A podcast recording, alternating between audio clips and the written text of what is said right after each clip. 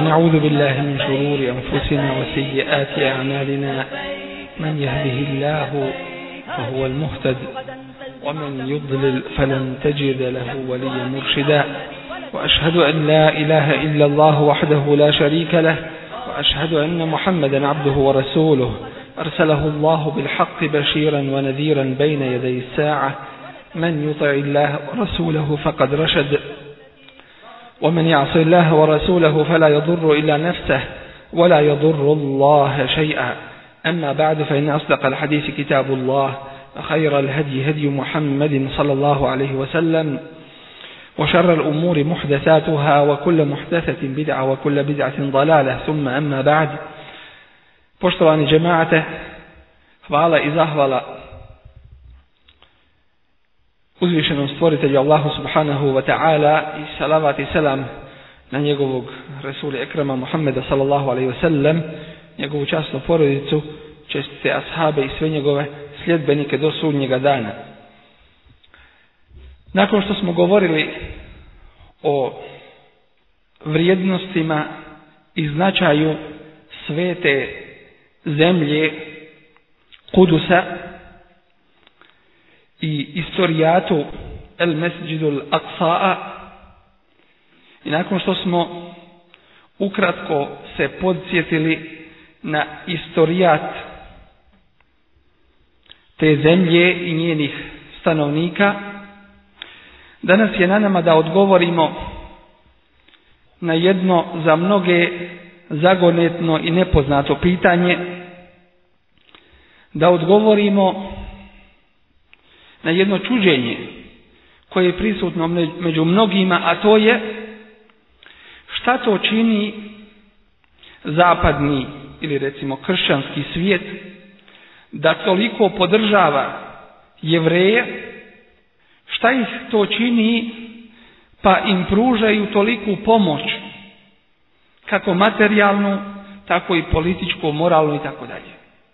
U čemu se krije tajna toga? kako objasniti i odgovoriti na pitanje da Amerika svaki dan daje toj jevrejskoj državi svaki dan izlaskom i zalaskom sunca da liježe na račune te jevrejske države preko 14 milijuna dolara od strane Amerike. Ne uzimajući u obzir druge vrste pomoći podrške i tako dalje, koja ni u kome slučaju nije uslovljena ili ograničena. Odgovor na to ćemo dati iz govora onih koji pozivaju u kršćanstvo i onih koji objašnjavaju to pitanje sa vjerskim predznakom i podlogom. Kaže misionar Jeril Floyver koji je predsjednik jednog udruženja za moralnu većinu, kako se naziva, a to je jedno kršćansko udruženje, kaže zaista stajanje uz Izrael jeste stajanje uz Boga. Dakle, uzimaju ovo pitanje kao vjersko pitanje i pomaganje jevreja i njihove države je u stvari vjersko pitanje kod njih. I pomaganje te države je pomaganje, kako kažu, Boga. Kaže pisac knjige o životu britanskog premijera Belfora koji je dao poznato obećanje židovima za uspostavljanje njihove države, kaže u toj knjizi ovaj pisac, on je čvrsto i duboko vjerovao u te vrat, u Toru, čitao ju je i u nju doslovno vjerovao i zbog njegovog vjerovanja u te vrat u Stari Zavjet, on je dao poznato obećanje jevrejima, na osnovu koga su oni i uspostavili svoju državu. A poznati prijašnji predsjednik Amerike Carter kaže, vjerovalo je sedam predsjednika američkih i to su utjelovili i utjelovili su svoje vjerovanje svoje u odnose između Amerike i Izraela. I mi čvrsto vjerujemo i preuzimamo nasljedstvo te vrata, dakle staroga zavjeta. Svakako da nam je poznato da kršćani vjeruju u stari zavjet, u te vrat i samim tim i preuzimaju i židovsko vjerovanje.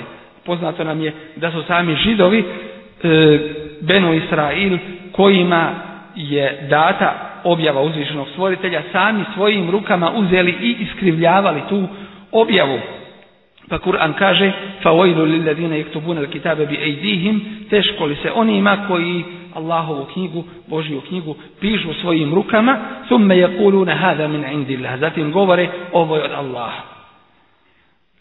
bihi Da bi time neznatnu korist dobili. Dakle, ti sami Benu Israil, potomci Jakuba Selam, oni su sami svojim rukama bili iskrivljavali stari zavjet u koga danas kažu da vjeruju i kažu da ga se pridržavaju, u koga isto tako vjeruju i kršćani.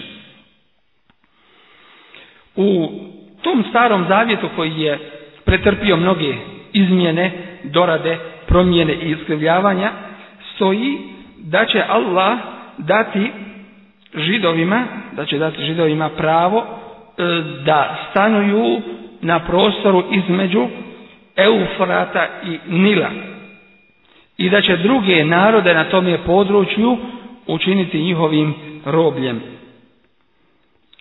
Kao što stoji u poglavlju o nastanku gdje se kaže ja ću svoj, svoje obećanje dati tebi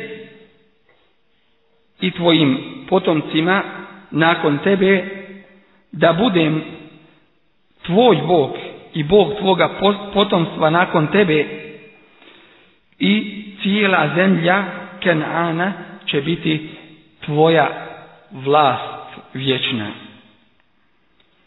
Mnogi tekstovi iz starog zavjeta govore o tome i to potvrđuju i kršan svojim riječima gdje poznati e, sveštenik koji nam je poznat iz rasprave e, Ahmeda Didata e, sa njim, to je Jimmy Svegard, kaže ja blagoslivljam onoga ko blagoslivlja Izraela i proklinjem onoga koga proklinje i blagodaću gospoda, još uvijek su, još uvijek je Amerika u napretku i nije dostigla ono što je dostigla ničim drugim osim svojom pomoću koju pruža Izraelu. I ja molim Boga da našu pomoć i dalje učini trajnom. Dakle, iz ovoga vidimo da u stvari je to u e, temeljima vjerovanje kod e, kršana kako e, misionari i sveštenici kažu. I zbog toga vidimo da u stvari u vjerskom opredjeljenju e, da se potpomaže i podržava naseljavanje jevreja na okupiranim teritorijama i to uzimaju iz tekstova te vrata gdje se kaže da onaj ko stanuje na tom području da mu je oprošteno. I zato e, premijer Izraela George Mayer, e, e, Goldmayer, prijašnji premijer Izraela, kaže ko živi unutar zemlje Izraela može se smatrati vjernikom.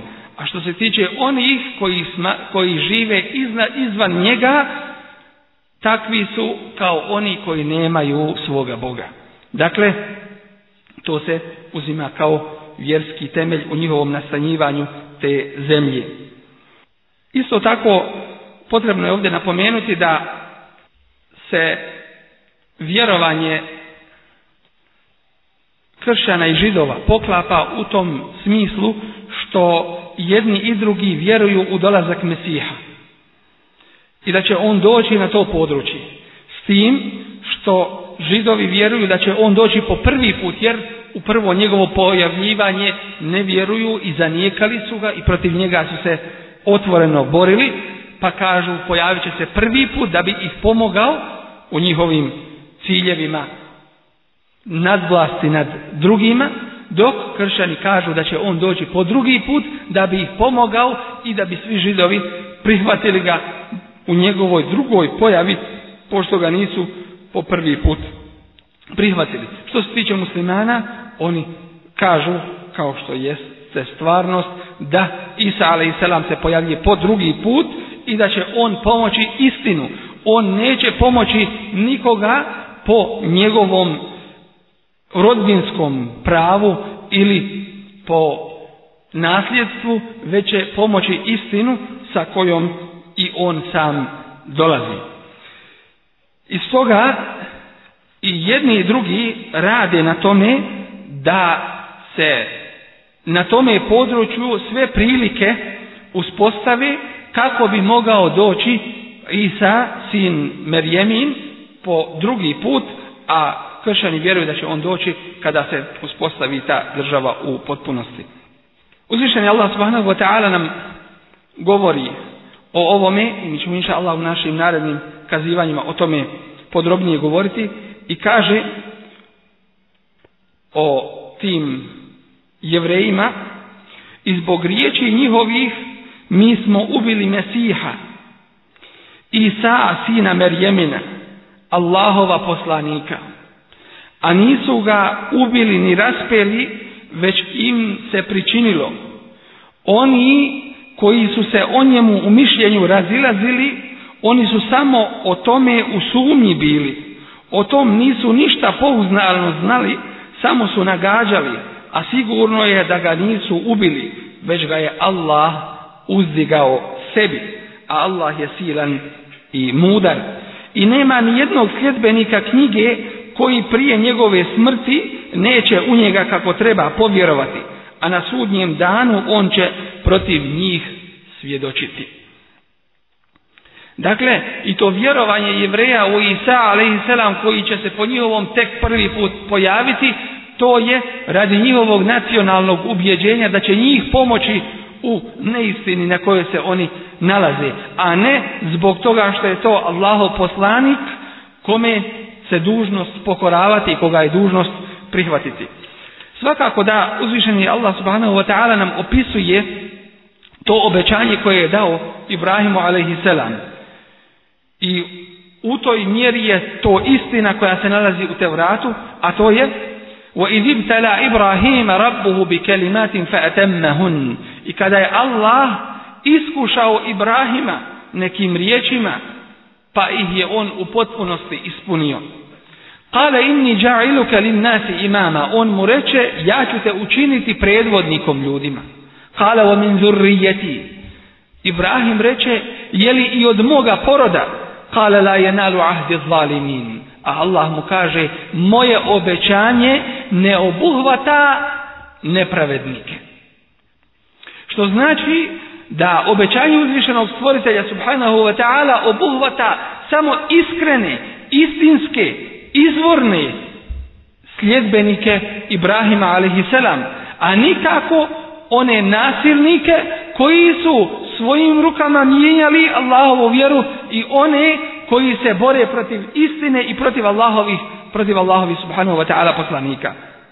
I zato se u Zeburu kaže kako nam Kur'an prenosi وَلَقَدْ كَتَبْنَا فِي الزَّبُورِ مِنْ بَعْدِ الذِّكْرِ أَنَّ الْأَرْضَ يَرِثُهَا عِبَادِيَ الصَّالِحُونَ I mi smo odredili u Zeburu nakon hvaljenja uzvišnog stvoritelja da zemlja pripada i da će je naslijediti moji dobri robovi, moji pokorni robovi.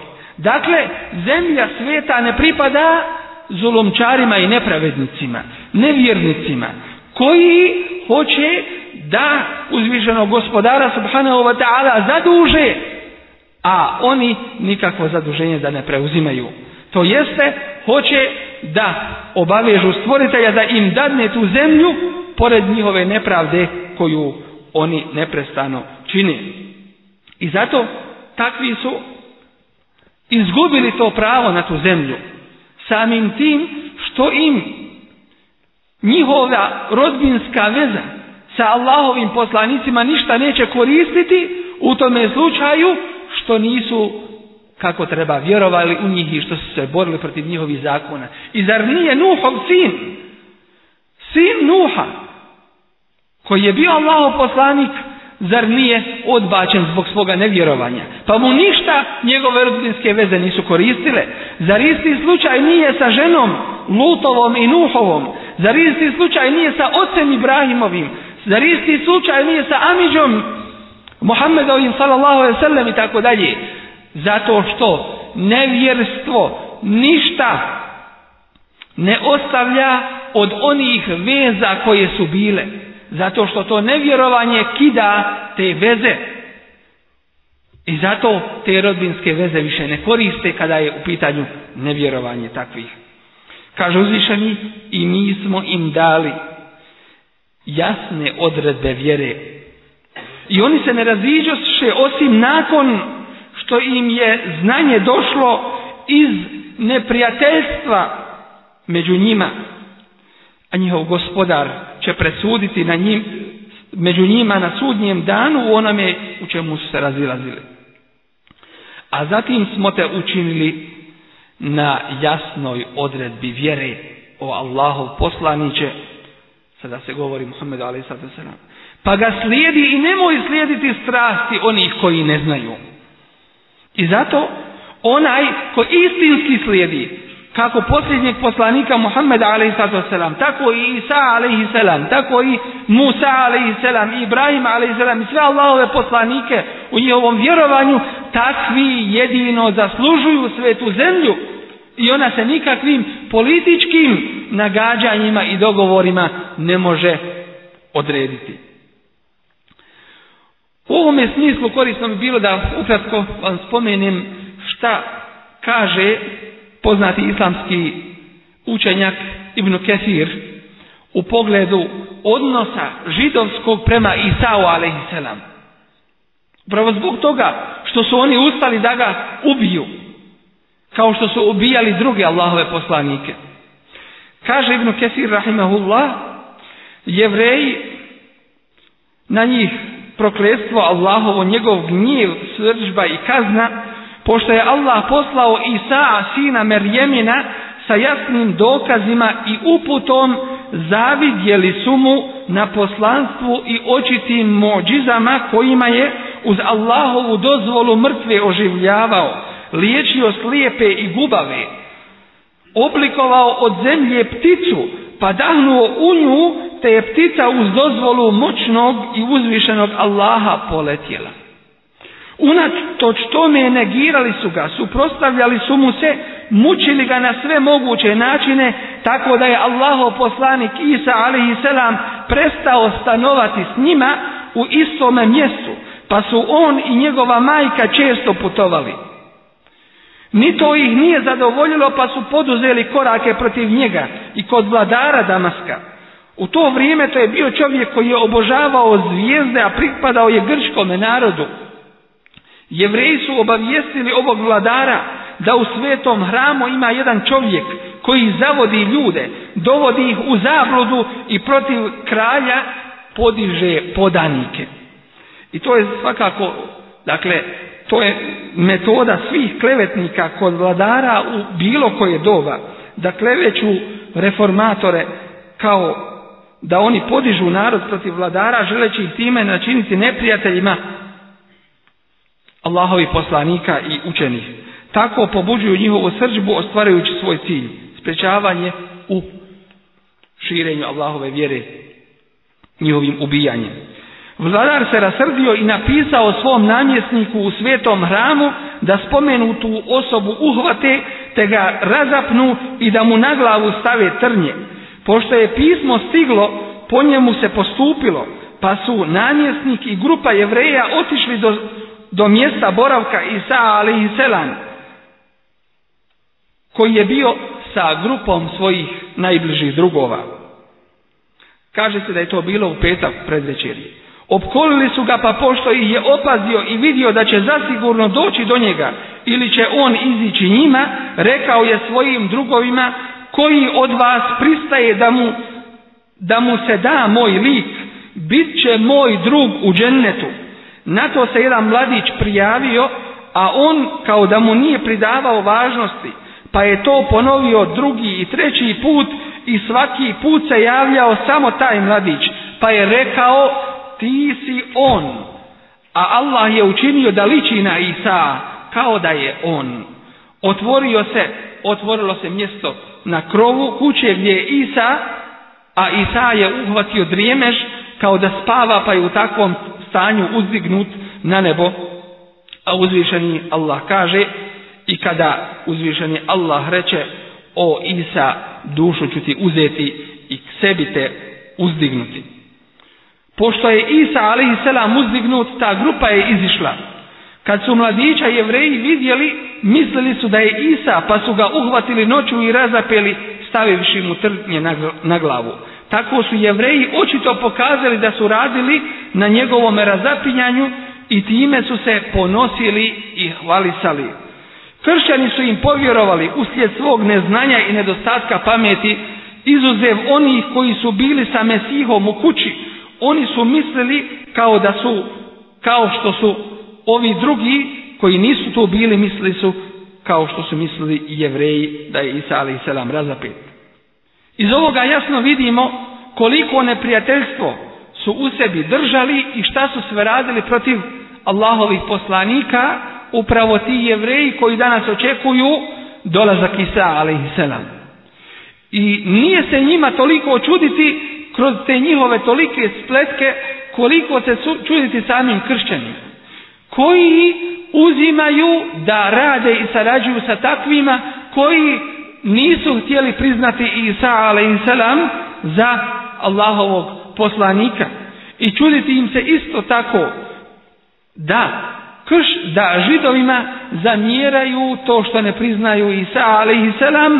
a oni sami neće da priznaju poslanika koji dolazi iza Isa a.s. a to je Allahov poslanik Muhammed sallallahu ve U hadisu koga bilježi imam Ahmed Kaže se od Ebu Hureyre radijallahu anhu, od Allahovog poslanika sallallahu alaihi wasallam, poslanici su braća po istom ocu.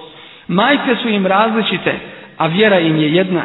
A ja sam najbliži čovjek Isau, sinom Erjeminom, jer između mene i njega nije bilo poslanika.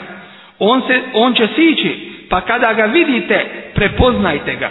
Čovjek srednjeg rasta, crveno-bijele boje, na njemu dva odjela bljedo crvena, iz glave kao da mu kaplje iako nije mokra. I uzvišeni Allah kaže: "Wa innahu la'ilmun lis-sa'ati, fala tamtarun biha I on je zasigurno, to jeste Isa sin Merjemin, preznak sudnjega dana, pa nemojte nimalo u to sumnjati. I svega navedenog daje se zaključiti da Allah najbolje zna da sudnji dan prema ovim događajima koji se dešavaju i šta se priprema da on nije daleko da ga da dolazak Isa a.s. svi očekuju i ovo što se dešava danas u svetoj zemlji u Palestini svakako da je jedan mali ili veliki Allah najbolje zna uvod u sve te događaje. Molim uzvišamo subhanahu wa ta'ala da nas učini čvrstim i postojanim na pravome putu, da nam oprosti naše grijehe i da nam se svima svinuje. أقول قولي هذا وأستغفر الله لي ولكم ولسائر المسلمين من كل ذنب فاستغفروه إنه هو الغفور الرحيم